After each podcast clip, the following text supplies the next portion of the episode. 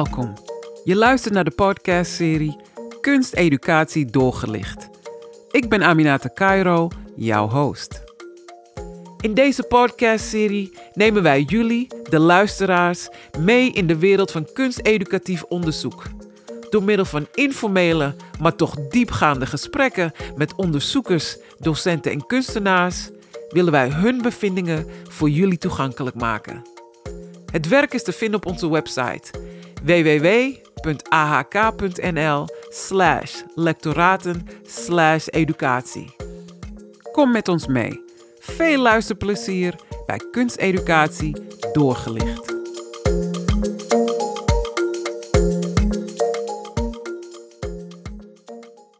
En vandaag hebben wij hele twee speciale gasten. Wij hebben het dynamic duo van het lectoraat kunsteducatie. Emiel Heijnen en Melissa Bremmer. En wij hebben ook Lineke, de Lineke van Mr. Motley. Want deze editie gaat specifiek over het boek Wicked Arts Assignments. Dat boek is, is het dit jaar uitgekomen? Ja toch, 2021? 2020. Uh, Wicked Arts Assignments. Over de hele wereld hebben mensen art assignments ingeleverd die wicked moesten zijn. Dus vertel ons over Wicked Arts Assignments. Het zijn eigenlijk complexe opdrachten. Uh, ze komen uit de the theorie voor van, uh, van authentieke kunsteducatie, maar dat vonden we absoluut geen sexy naam. Dus toen zijn we eigenlijk gaan nadenken van hoe kunnen we dat beter noemen. En toen hebben we dat Wicked genoemd. Ja. En daar hebben we een call voor online gezet en mensen mochten insturen. Ja, en jullie hadden meer dan 500. Wauw. Ik geloof dat we iets van 516 opdrachten hadden. Ja, en dan sta je natuurlijk voor de ongelooflijk moeilijke keuze. Welke opdrachten komen dan in het boek? Het was fantastisch, want we hadden een commissie en die hebben met ons meegedacht van welke opdrachten zijn het meest prikkelend, poëtisch, politiek. Wat uh, reflecteert echt een hedendaags kunstcurriculum. En die opdrachten hebben we gekozen. Mm -hmm. En dat zijn uh, nou net geen honderd zijn okay. het geworden. Geweldig, heel leuk. En ik heb een paar dingen opgeschreven die heel specifiek zijn. Een van de dingen die jullie zeggen, ze moesten niet één discipline, ze moesten meerdere disciplines hebben. Klopt dat? En ook uh, representatief zijn van, van hedendaagse cultuur.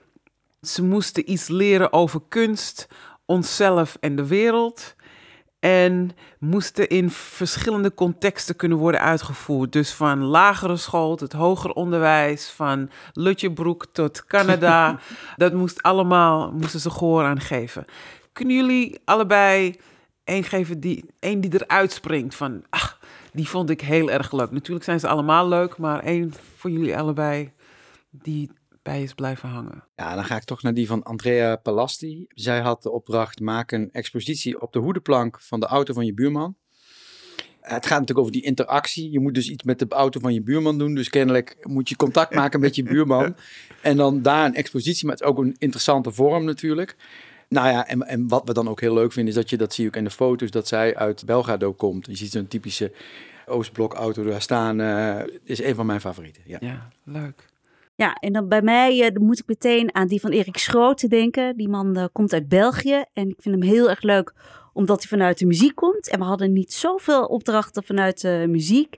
En dat is, je maakt een uh, compositie voor een first kiss scene. Uh, dus je stelt je voor leuk. een uh, film en je ziet twee mensen komen dichter naar elkaar toe. Leuk. En dan eindelijk kussen ze. En voor dat sublieme moment maak jij dan uh, compositie. Ja, heel leuk. Een van de dingen die ik ook heb gelezen in dit, in dit boek, dat uh, mij ook raakte, het idee van dat de opdracht zelf ook kunst kan zijn. Kan je daar iets over zeggen? Het viel ons op dat heel veel opdrachten die we binnenkregen, maar ook onze eigen inspiratiebron. Wij maken zelf ook opdrachten. We, doen, we geven er ook trainingen in. Um, dat Fluxus bijvoorbeeld vaak genoemd werd als een inspiratiebron. En toen zijn we wat nadere research gaan doen. En toen blijken er eigenlijk gewoon best wel veel kunstenaars te zijn. Fluxus is een belangrijke rol erin, maar eigenlijk iedereen die uit de school van, van John Cage kwam, die het publiek activeerde, die wat ging over een meer democratisch proces van kunst maken, contact met, met de echte wereld, real life uh, context. dat dat ook kunstenaars heel erg geïnspireerd heeft. En dat het dus zover ging dat er kunstenaars waren zoals Yoko Ono. Uh, Yoko Ono begon eerst met opdrachten op haar doeken te schilderen. Maar uiteindelijk heeft ze alleen die opdrachten nog gepubliceerd. In een boek bijvoorbeeld. En werden dat voor haar eigenlijk de kunstwerken. Dus was ze veel meer geïnteresseerd in het activeren van andere mensen. Die dan eigenlijk haar idee van dat kunstwerk in de praktijk realiseerden. En dat blijkt een, een lijn te zijn door de hele kunstgeschiedenis. Of in ieder geval vanaf het ontstaan van conceptuele kunst. En je ziet bijvoorbeeld ook een groot project dat heet Do It van uh, uh, Hans-Ulrich Obrist. Uh, wat jaarlijks op verschillende plekken plaatsvindt en waar steeds eigenlijk datzelfde idee bestaat. Dat er kunstenaars bedenken opdrachten, voeren die zelf niet uit, maar brengen die naar een bepaalde plek. En daar de mensen in die omgeving voeren dat uit. En bij die exposities wordt, worden die werken dan ook weer vernietigd. Ja. Omdat het uiteindelijk weer oh. draait om, om die opdrachten. En de link die wij met het boek willen leggen is eigenlijk ook te zeggen kunstdocenten, realiseer je nou dat dit jouw oeuvre ook is. Dat dit onderdeel is van jouw werk. Dus dat een opdracht ook een, een iets mag zijn waar je trots op mag zijn. Iets wat, hè, wat eigenlijk centraal staat in wat onderdeel is van jouw werk. Ja. En dus je hebt het ook over, wat ik hoor, dus ook over het belang van het verbinden en het inspireren en dingen losmaken bij mensen. Hoe belangrijk is dat nu? Er gebeurt zoveel nu in deze tijd, zou je kunnen zeggen. Van Black Lives Matter tot de corona, tot de klimaatcrisis. Er zijn heel veel grote maatschappelijke thema's. En uh, we denken dat kunsteducatie echt een belangrijke rol kan spelen om uh, leerlingen, participanten, cursisten, kunstenaars echt door kunst te laten reflecteren op die grote thema's, maar ook door kunst ook oplossingen te bedenken of een belangrijke boodschap in de wereld uit te zetten. Uh, dus we denken ja, dat het echt belangrijk is dat kunst echt dingen in gang kan zetten. Ja, ja ik zeg ook altijd, weet je, van de artists are the healers. Those are the medicine people. Ja. En uh, het ja. verbindt ook echt. Doordat je samen in een gedeeld thema werkt, heb je ook een gedeeld gespreksonderwerp. Kan je echt ideeën uitwisselen, maar kun je ook opposing ideas onderzoeken zonder dat het meteen bedreigend hoeft te zijn. En ik denk dat dat echt een kracht is. Ja. En voordat ik met jullie verder ga, wil ik even Lineke erbij halen. Lineke, je bent hier namens Mr. Motley. Wie is Mr. Motley of wat is Mr. Motley? Hi, ik ben uh, Lineke inderdaad en hoofdredacteur van Mr. Motley. Dat is een online kunstmagazine. Dus we waren vroeger echt een fysiek blad en nu uh, ja, eigenlijk een website waarop we iedere dag publiceren over kunst. Maar dan specifiek hedendaagse beeldende kunst en de relatie tot de wereld waarin we leven. En wat is jouw relatie met Wicked Arts Assignments?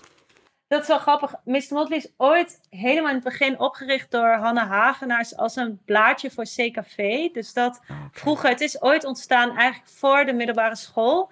Dat is het nu lang niet meer, maar het heeft wel altijd die relatie met kunstonderwijs gehouden. En ik denk het belangrijkste is dat zo kunsteducatie en het kunstenaarschap helemaal niet zo twee losse dingen zijn. Maar dat we dat heel vaak benaderen als eenzelfde soort wereld en eenzelfde soort praktijk.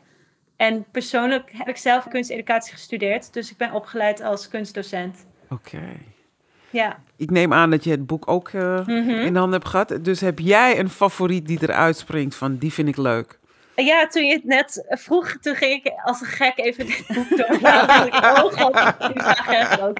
Nee, maar ik had wel al een favoriet. En dat is van een leraar uit Hengelo, Geke Buis, over conspiracy theorieën. Dus hij hmm. vroeg eigenlijk aan zijn leerlingen om een uh, conspiracy theorie te bedenken over de eigen school. En daar moesten ze dan een vlog over maken. en um, nou ja, wat, wat, net gezegd werd, hè, terugkijkend op afgelopen jaar lijkt me dat toch wel heel relevant. Ja. Dat is eigenlijk zo'n mooi voorbeeld, hè? Dat het zo aansluit bij alles wat er nu tegenwoordig gebeurt. Ja. En als het gaat om deze arts assignment, het boek begint ook met, weet je, er zijn zoveel leuke opdrachten, maar meestal liggen die bij een individu. Die worden individueel overgedragen. Ze worden ook steeds aangepast en veranderd. Uh, dus nu hebben jullie wat dingen vastgelegd, zodat mensen ze echt kunnen vinden. Hoe gemakkelijk is het voor mensen om deze opdrachten te gebruiken? Ze worden heel veel gebruikt. We merken ook in, eh, we horen van de uitgever dat er soms zes of acht verkocht worden. Dat is typisch zo'n kunstsectie, zeg maar. Dus door een school worden besteld. Dus het, het blijkt echt wel Nou, het is ook wel iets waar wij mensen in trainen, bij, eh, dat je in dat zinnetje, dat kunstwerk is dat zinnetje, hè? Dat, Ja. die opdracht die, die vaak in één zin boven staat. En vaak merk je dat voor kunstdocenten is dat vaak genoeg om die verbeelding te prikkelen. Dus wat wij denken, het boek is nog niet zo lang uit, dus we weten niet precies hoe het werkt, maar het is geen receptenboek, maar het zijn meer aanzetten tot recepten. Ja. En kennelijk is dat toch iets wat heel goed werkt voor kunstdocenten. Dus het, het geeft je ook de vrijheid om het nog te tweaken naar jouw eigen Ja. praktijk. Ja. En wat we ook merken is dat de vormgeving van het boek, de vindbaarheid van opdrachten op thema, de voorbeelden die erbij staan van leerlingenwerk, ja, eigenlijk is dat het enige wat je nodig hebt. Je ziet een opdracht, je ziet een mogelijk resultaat. Het hoeft je niet precies datzelfde Juist. te maken. En ik denk dat dat ook wel de USP, hè, de unique selling point van het boek is, dat het, dat het niet te veel uitlegt. Want er zijn natuurlijk heel veel opdrachten, boeken, die het allemaal stap voor stap uitleggen. ja. Dus ja, ik denk dat het op die manier werkt. En Melissa, ben je tot nu toe tevreden hoe het boek ontvangen is? Nou, ja, ik denk dat we ontzettend eh, tevreden kunnen zijn. Kijk, wat ontzettend mooi aan dit boek is, is dat het is niet het boek van eh mij en Emiel en Sanne Kersten, want die heeft ook echt een aandeel in het boek. Maar het is het boek van 100, bijna 100 auteurs. En die verspreiden het boek over, het, ja, over de hele wereld. En we zien dat het ja, overal toch over de hele wereld goed ontvangen wordt. Het is ook al in de tweede druk gaat het boek alweer. Oh, wauw. Want het, eh, ja, het verkoopt eh, dus heel erg Ja. goed. En we zien ook dat er bestellingen vaak zijn voor hele secties. Dus dat vind ik zelf heel erg bemoedigend. Je vroeg eigenlijk net van, is het toegankelijk? Wordt het makkelijk gebruikt? Ja. Eh, het, kennelijk is het, komt het op het juiste moment, omdat mensen, denk ik, behoefte ook hadden aan een wat actuelere manier om eh, naar kunsteducatie te kijken. En toch een manier die ook toegankelijk is. En ik kan een mooi voorbeeld geven. Mijn eh, jongste zoon van elf pakte het boek. En eh, die sloeg het open en die maakte ter plekke meteen de opdracht: make a one-minute sculpture. Dus zo toegankelijk is het boek dus dat je daar direct mee aan de slag kan gaan. Dus ook voor primair onderwijs, ook voor het hoger onderwijs. Studenten werken er al mee. Onze eigen studenten werken er mee. Dus dat voelt heel, eh, het voelt heel fijn dat je een boek maakt wat echt gebruikt wordt. Ja. En niet alleen op de Ja. koffietafel blijft ja, liggen. Ja, ja. ja, de hele wereld zit erin. Weet je ook iets over hoe het in andere plekken Dat is een, eh, ontvangen? Hele goede vraag, want dat eh, zegt meteen iets over inclusiviteit, zullen we maar eh, zeggen. Kijk, het interessante aan het boek is, we hebben een, een, echt een grote call gedaan via eFlux. En dat komt dan eigenlijk in toch ja, wat meer westers georiënteerde plekken komt zo'n eh, mailing dan terecht. Wat wel heel cool aan het boek is, is dat we ook eh, opdrachten uit Istanbul, Colombia, we hebben het uit Zuid-Korea, China, eh, maar we zijn ook, als je echt kritisch kijkt, dan zie je ook een aantal plekken die eigenlijk wiens stem niet gehoord wordt. Ja. Dus we hebben eigenlijk geen opdrachten uit Afrika en we hebben geen opdrachten uit het Midden-Oosten. En dat vinden we jammer. Dus dat, dat, dat zien we wel als, nou, in de, als er nog een tweede editie Ja, komt. nee, het is gewoon Hè, dat is- inspiratie voor, voor boek Absoluut. 2. Dan, dan denken we uit die plekken zou het mooi zijn als we die stemmen ook Ja, hoorbaar zouden kunnen maken in het boek. ja. Ja, en dat is wel een, maar daar weet Lineke ook alles van. Dat is ook wel een afspiegeling van. Als je naar, wij gaan er veel naar eh, congressen of kunsteducatie. En dan zie je, daar klopt het wel redelijk mee. Eh, met het soort mensen dat, dat hebben gereageerd. Het is natuurlijk een Engelstalig boek, Ja. een Engelstalige oproep. Dus daarmee merk je ook dat je toch een grote delen van China en, en, en eh, de Oosterse kant van de wereld ook een beetje uitsluit. Omdat je ook merkt in presentaties die we daar krijgen, dat dat Engels toch nog wel echt een, een issue is. Maar eerlijk is eerlijk, wij hadden graag een nog completer beeld Ja. eh, willen hebben. En we hebben veel Amerikanen, veel Noord-Amerika zitten in, 25% of zo. Die hebben gewoon heel erg gereageerd. Maar we zijn ongelooflijk trots met Zuid-Amerika, Ja. Australië en noem maar op. Leuk, hè? Ja. Ja. Ja. Wat heel bijzonder is, is dat je ziet dat er een community ontstaat. Dus je ziet dat er mensen met vergelijkbare praktijken in zo'n boek komen. We hebben ook een online symposium gehad, waar mensen over de hele wereld hebben daar aan deelgenomen. En je merkt dat mensen ontzettend opgelucht zijn dat er een collega aan de andere kant van de wereld een vergelijkbare taal spreekt. En we zien dat er ook vriendschappen ontstaan zijn Ja. over de globe heen, omdat die praktijken zo vergelijkbaar zijn. En dat voelt ook eh, ja, echt krachtig dat je als boek kan bijdragen aan toch een soort community van kunsteducatoren die eenzelfde soort taal spreken, eenzelfde soort idealen hebben. Ehm, ja, dat, is, dat vinden we heel erg mooi. Ja. En jullie werk is gebaseerd op en geïnspireerd door weer de authentieke kunsteducatie. Is dat echt een Nederlandse aanpak? Of is dat hetzelfde in die andere landen? Is dat ook daar bekend op die manier? We hebben dat niet heel expliciet gemaakt. Hè? Oké. Dat, is, dat is onze theorie, zeg maar. Die, ja. die is ook wel internationaal trouwens. Kijk, je merkt wel dat idee van de complexe opdracht. Dus een opdracht die, wat ze dan zeggen, ill-structured en ill-defined is. Dat zijn twee negatieve woorden, maar daar wordt iets heel positiefs mee genoemd. ja. Dus hij moet niet te ver zijn uitgewerkt en niet te ver zijn voorgestructureerd. Als hij te Ah. ver is voorgestructureerd, krijg je een soort stap-voor-stap onderwijs. Ja. Gaat iedereen eigenlijk hetzelfde maken. En als hij te strak gedefinieerd is, krijg je eigenlijk hetzelfde. Dus je wil een, een soort, ja, een soort rommeligheid bijna, of een soort Ja. poëzie kan je ook zeggen, ja. in de opdracht. En die docenten die we ook op, op dat congres hadden, wat Melissa beschreef, dat zijn wel eh, mensen die dat heel goed snappen. En ik denk ook dat kunstdocenten heel erg daarvan zijn. Ik wil niet docenten in de wiskunde of in een andere vak, daar gebeuren ook prachtige dingen. Maar dat idee dat je een opdracht geeft die ook een, heel veel ruimte laat, en waar je eigen interpretatie mag hebben, dat past wel heel erg bij kunstonderwijs. Dus zonder dat mensen, denk ik, die theorie paraat hebben, denk ik dat het wel internationaal heel erg herkenbaar is. Maar het mooie in het boek is wel dat we één hoofdstuk gewijd hebben aan meer een soort didactiek die bij zo'n Ja. complexe opdracht hoort. Dat om te kunnen werken met zo'n complexe opdracht heb je, dat noemen we dan enabling constraints nodig. Dus zo'n opdracht moet vrijheid geven, maar moet tegelijkertijd beperken, omdat dat eigenlijk de magische mix is voor creativiteit.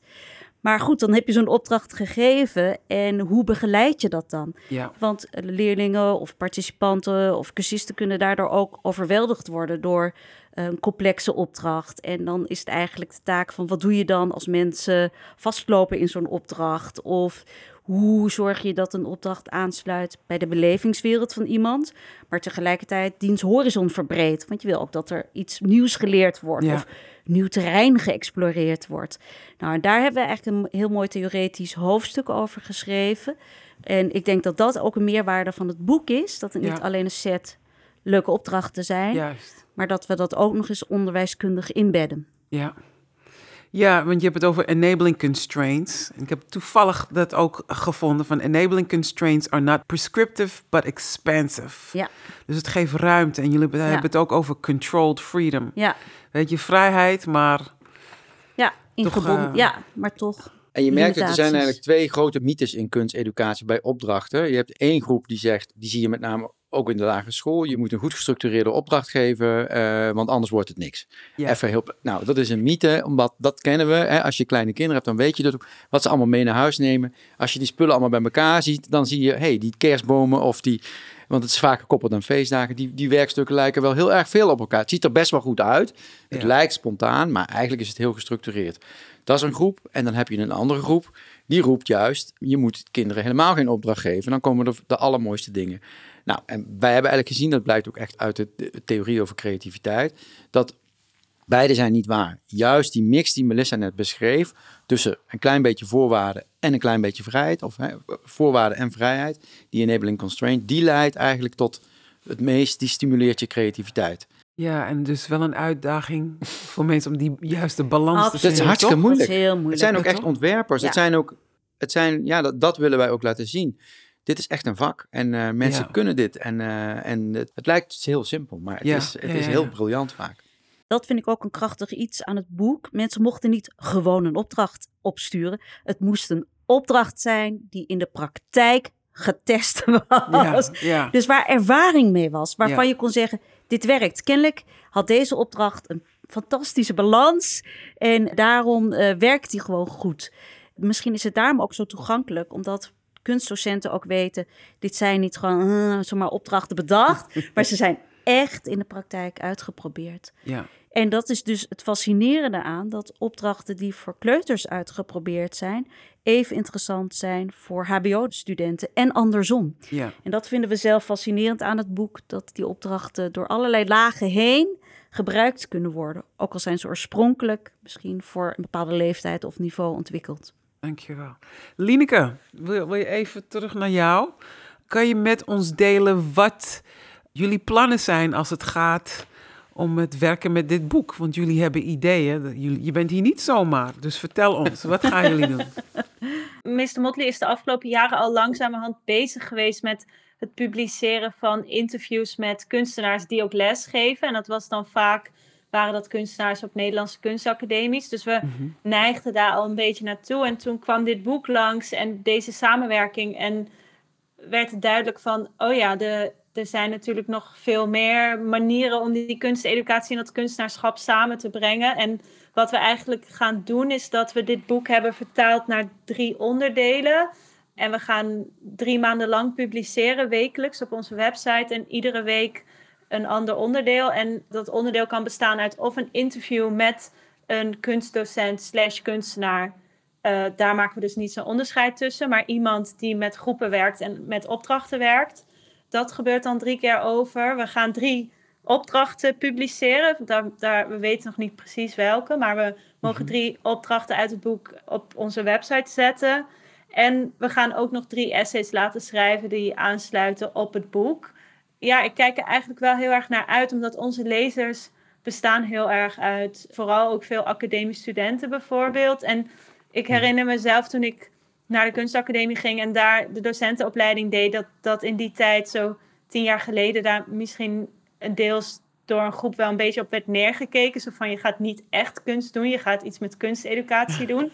en grappig genoeg werkt nu heel erg in mijn werk dat dat volgens mij heel erg aan het omslaan is. En dat je ook heel veel autonome kunstenaars ziet die kunsteducatie heel erg omarmen voor hun werk. Omdat het gewoon zo duidelijk niet losstaat van de wereld, maar daarin fungeert. En Ja. volgens mij is dat steeds belangrijker. Ook dat ook dus niet alleen die kunstdocenten, maar ook kunstenaars zelf zich daartoe gaan verhouden. En dat is misschien wel een van de redenen ook waarom ik het echt interessant vind dat we dit gaan doen. Mooi. En je vertelt, je gaat dus ook interviews doen? Ja, Toch? klopt. Ja, Sanne Kersten gaat die doen. Oké. Zij heeft ook de interviews in dit boek geschreven. ja. En zij gaat nog drie andere eh, makers interviewen. Dus dat, dat gaat er ook aankomen, ja. Oké. Heel mooi. Is er nog iets speciaals dat, je- dat je met ons wilt delen? Nou ja, dat ik dus het wel heel erg interessant vind om dus niet alleen in die fluxustijd, maar ook in deze tijd te kijken hoe nou zo'n opdracht ook een kunstwerk kan zijn. En het lijkt me wel heel erg interessant dat misschien ook meer kunstinstellingen of, of autonome kunstplekken of musea in Nederland daar misschien ook op doorgaan. Van dit is een heel mooi boek, maar hoe kan dit nou dan ook eh, gestalte krijgen in een ruimte? Of, of het zou me niet verbazen als dat een soort richting is die, die kunst steeds meer op kan gaan. Wat ik wel leuk vind, Lineke, is dat jullie hadden laatst, een paar weken geleden, eh, een interview met, met, met Maarten Bel. Dat is nou echt zo'n kunstenaar van nu, die, waarbij alles door elkaar loopt. Pavel van Houten zit wel in het boek. Ook een, denk ik, goed voorbeeld van kunstenaars die, die dat precies... Ik heb dat precies hetzelfde ervaren van dat wat Lineke ervaren heeft, maar dan eh, een paar jaar eerder. Op de kunstacademie, op de docentenopleiding was je toch een beetje, ja... Dat was een beetje de hoek waar, waar de mislukte kunstenaars terechtkwamen. En dat begint langzaam echt te veranderen. En je ziet dat dit soort kunstenaars, Nederlandse kunstenaars, ja, die hebben daar echt scheid aan. aan. Die doen projecten met kinderen, maar ook staan op de grote beurzen. En volgens mij heeft Mr. Motley dat ook heel goed in de smiezen. Dus daarom passen wij daar ook denk ik wel mooi in met dit boek. Maar dat dit vinden wij een hele interessante ontwikkeling. Dat, het, eh, ja, dat begint wel aardig door elkaar te lopen. Tegelijkertijd, Lineke, ben ik zelf ook geïnteresseerd naar de tegenbeweging. Die zegt van, eigenlijk is kunsteducatie vrij gemarginaliseerd in scholen. Heeft altijd een lage status in scholen. Hoe kunnen we ook de artistieke kwaliteit van kunsteducatie verhogen, zodat ook dat de status ook verhoogt. Dus diezelfde Maarten Bel, die gewoon exposeert, dat is heel erg interessant. is ook een kunstenaar die gewoon een kunstenaar in residence in een school is geweest. Ja. En, en kunst een hele andere betekenis heeft gegeven binnen die school. En kunst eigenlijk eh, heel erg gelift heeft, dat vak. Ik ben heel erg geïnteresseerd juist in die hele wisselwerking tussen eigenlijk de scholen, de culturele instellingen, de kunstenaars en de kunsteducatoren.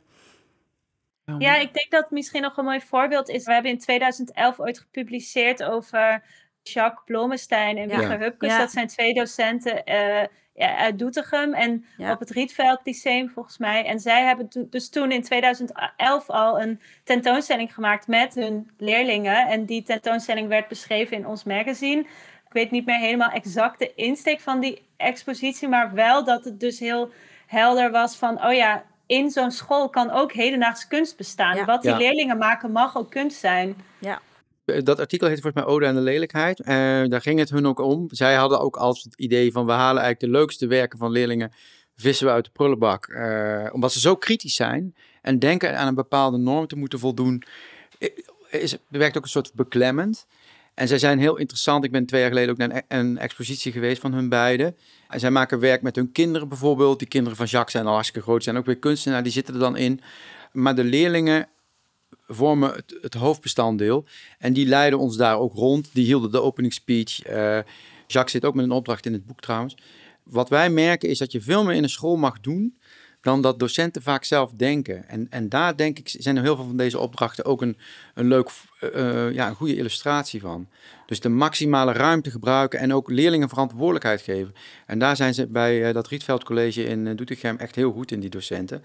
Die geven leerlingen heel veel verantwoordelijkheden en dan komen er ook hele interessante dingen uit. Dus ja, Ja, tegelijkertijd eh, helpt het docenten ook om strategieën die, die kunstenaars vanuit de conceptuele kunst ontwikkeld hebben en vanuit de sociaal geëngageerde kunst ontwikkeld hebben, om die strategieën echt veel meer de scholen in, in te halen. Want die eh, zorgen er echt voor dat de kunstlessen een hele andere vorm krijgen, een andere uitstraling krijgen. En die strategieën zijn voorhanden, maar die moeten gewoon veel meer in de school gedeeld worden. En je zei net iets over, men mag vaak veel meer doen dan men denkt als het gaat om de docenten.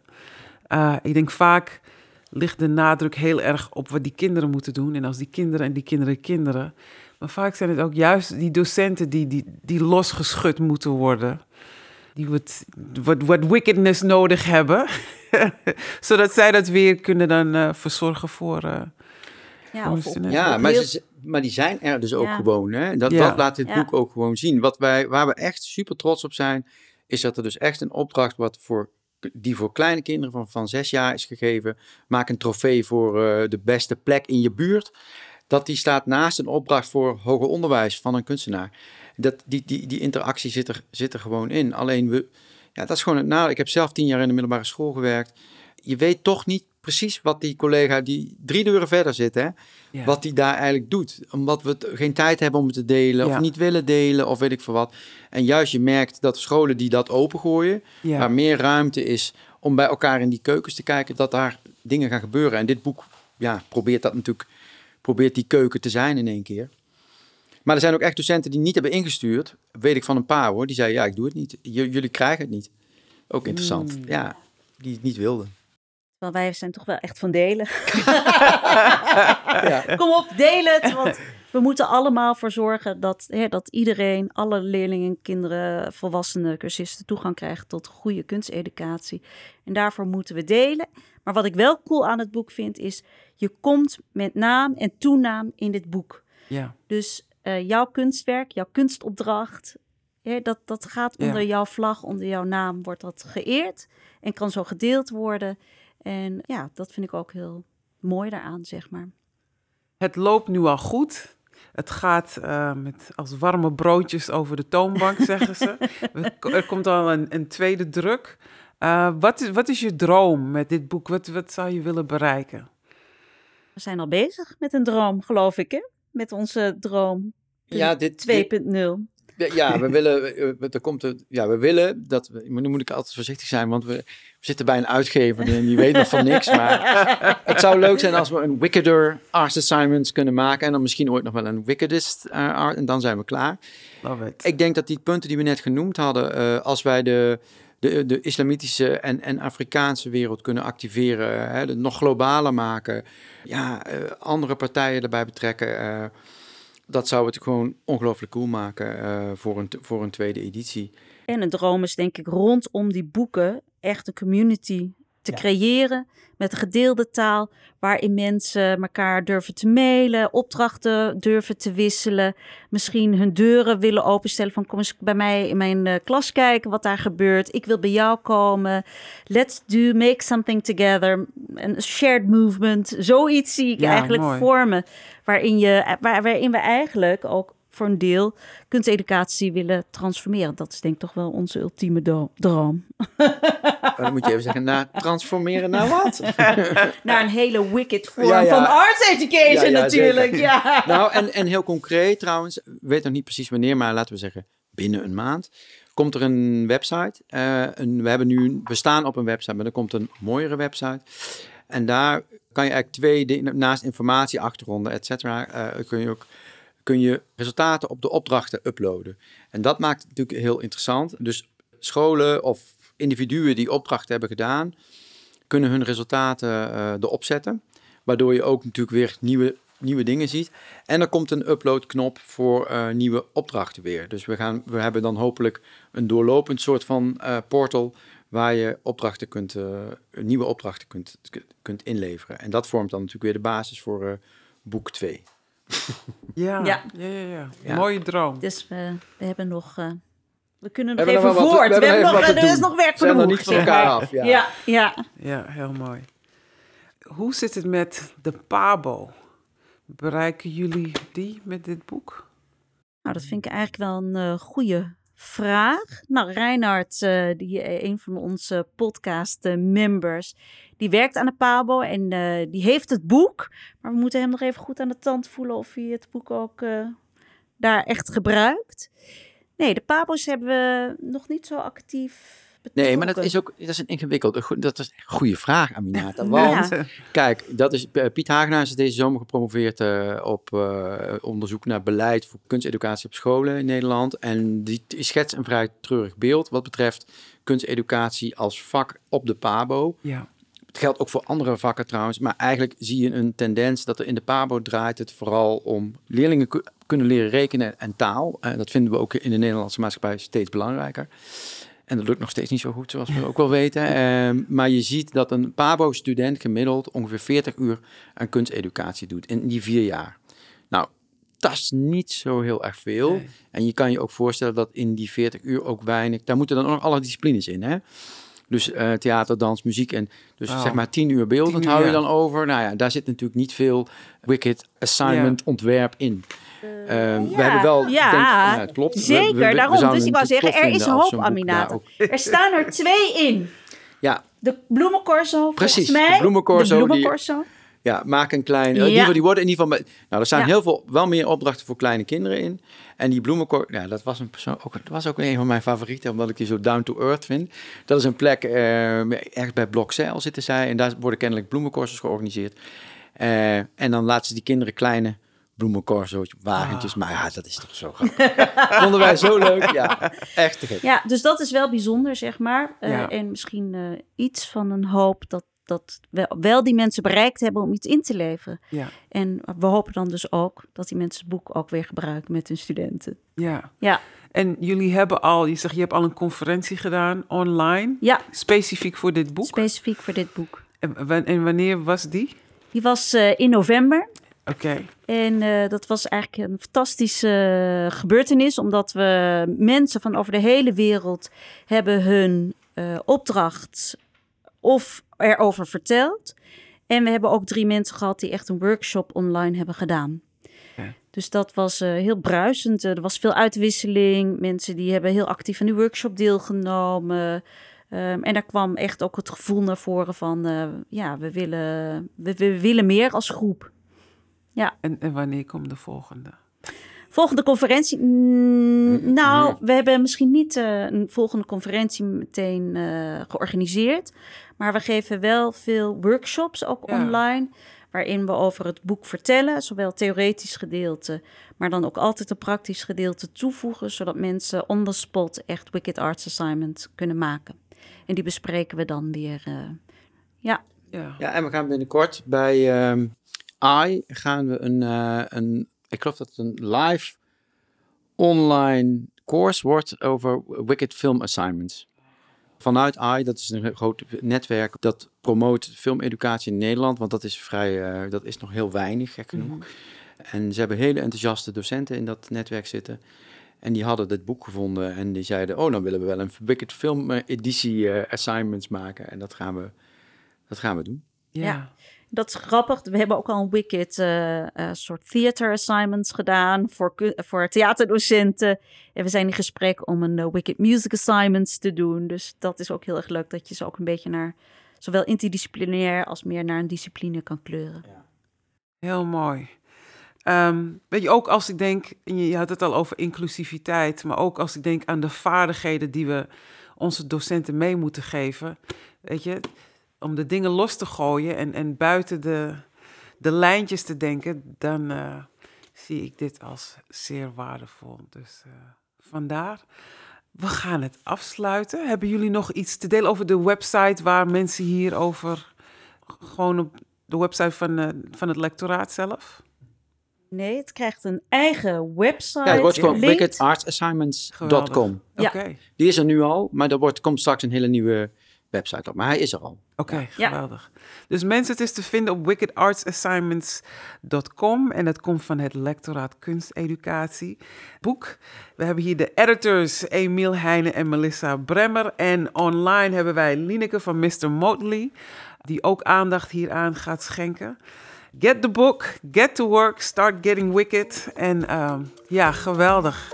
Heel hartelijk bedankt. En dit was Kunsteducatie doorgelegd.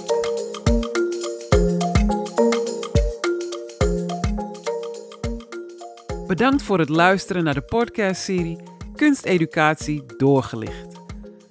Deze podcastserie zou niet tot stand zijn gekomen zonder de geweldige bijdrage van een aantal mensen. Mart Jeninga van Podcast Studio Amsterdam, die de podcast produceert. Alle onderzoekers, kunstdocenten en kunstenaars die deelnemen aan de podcast.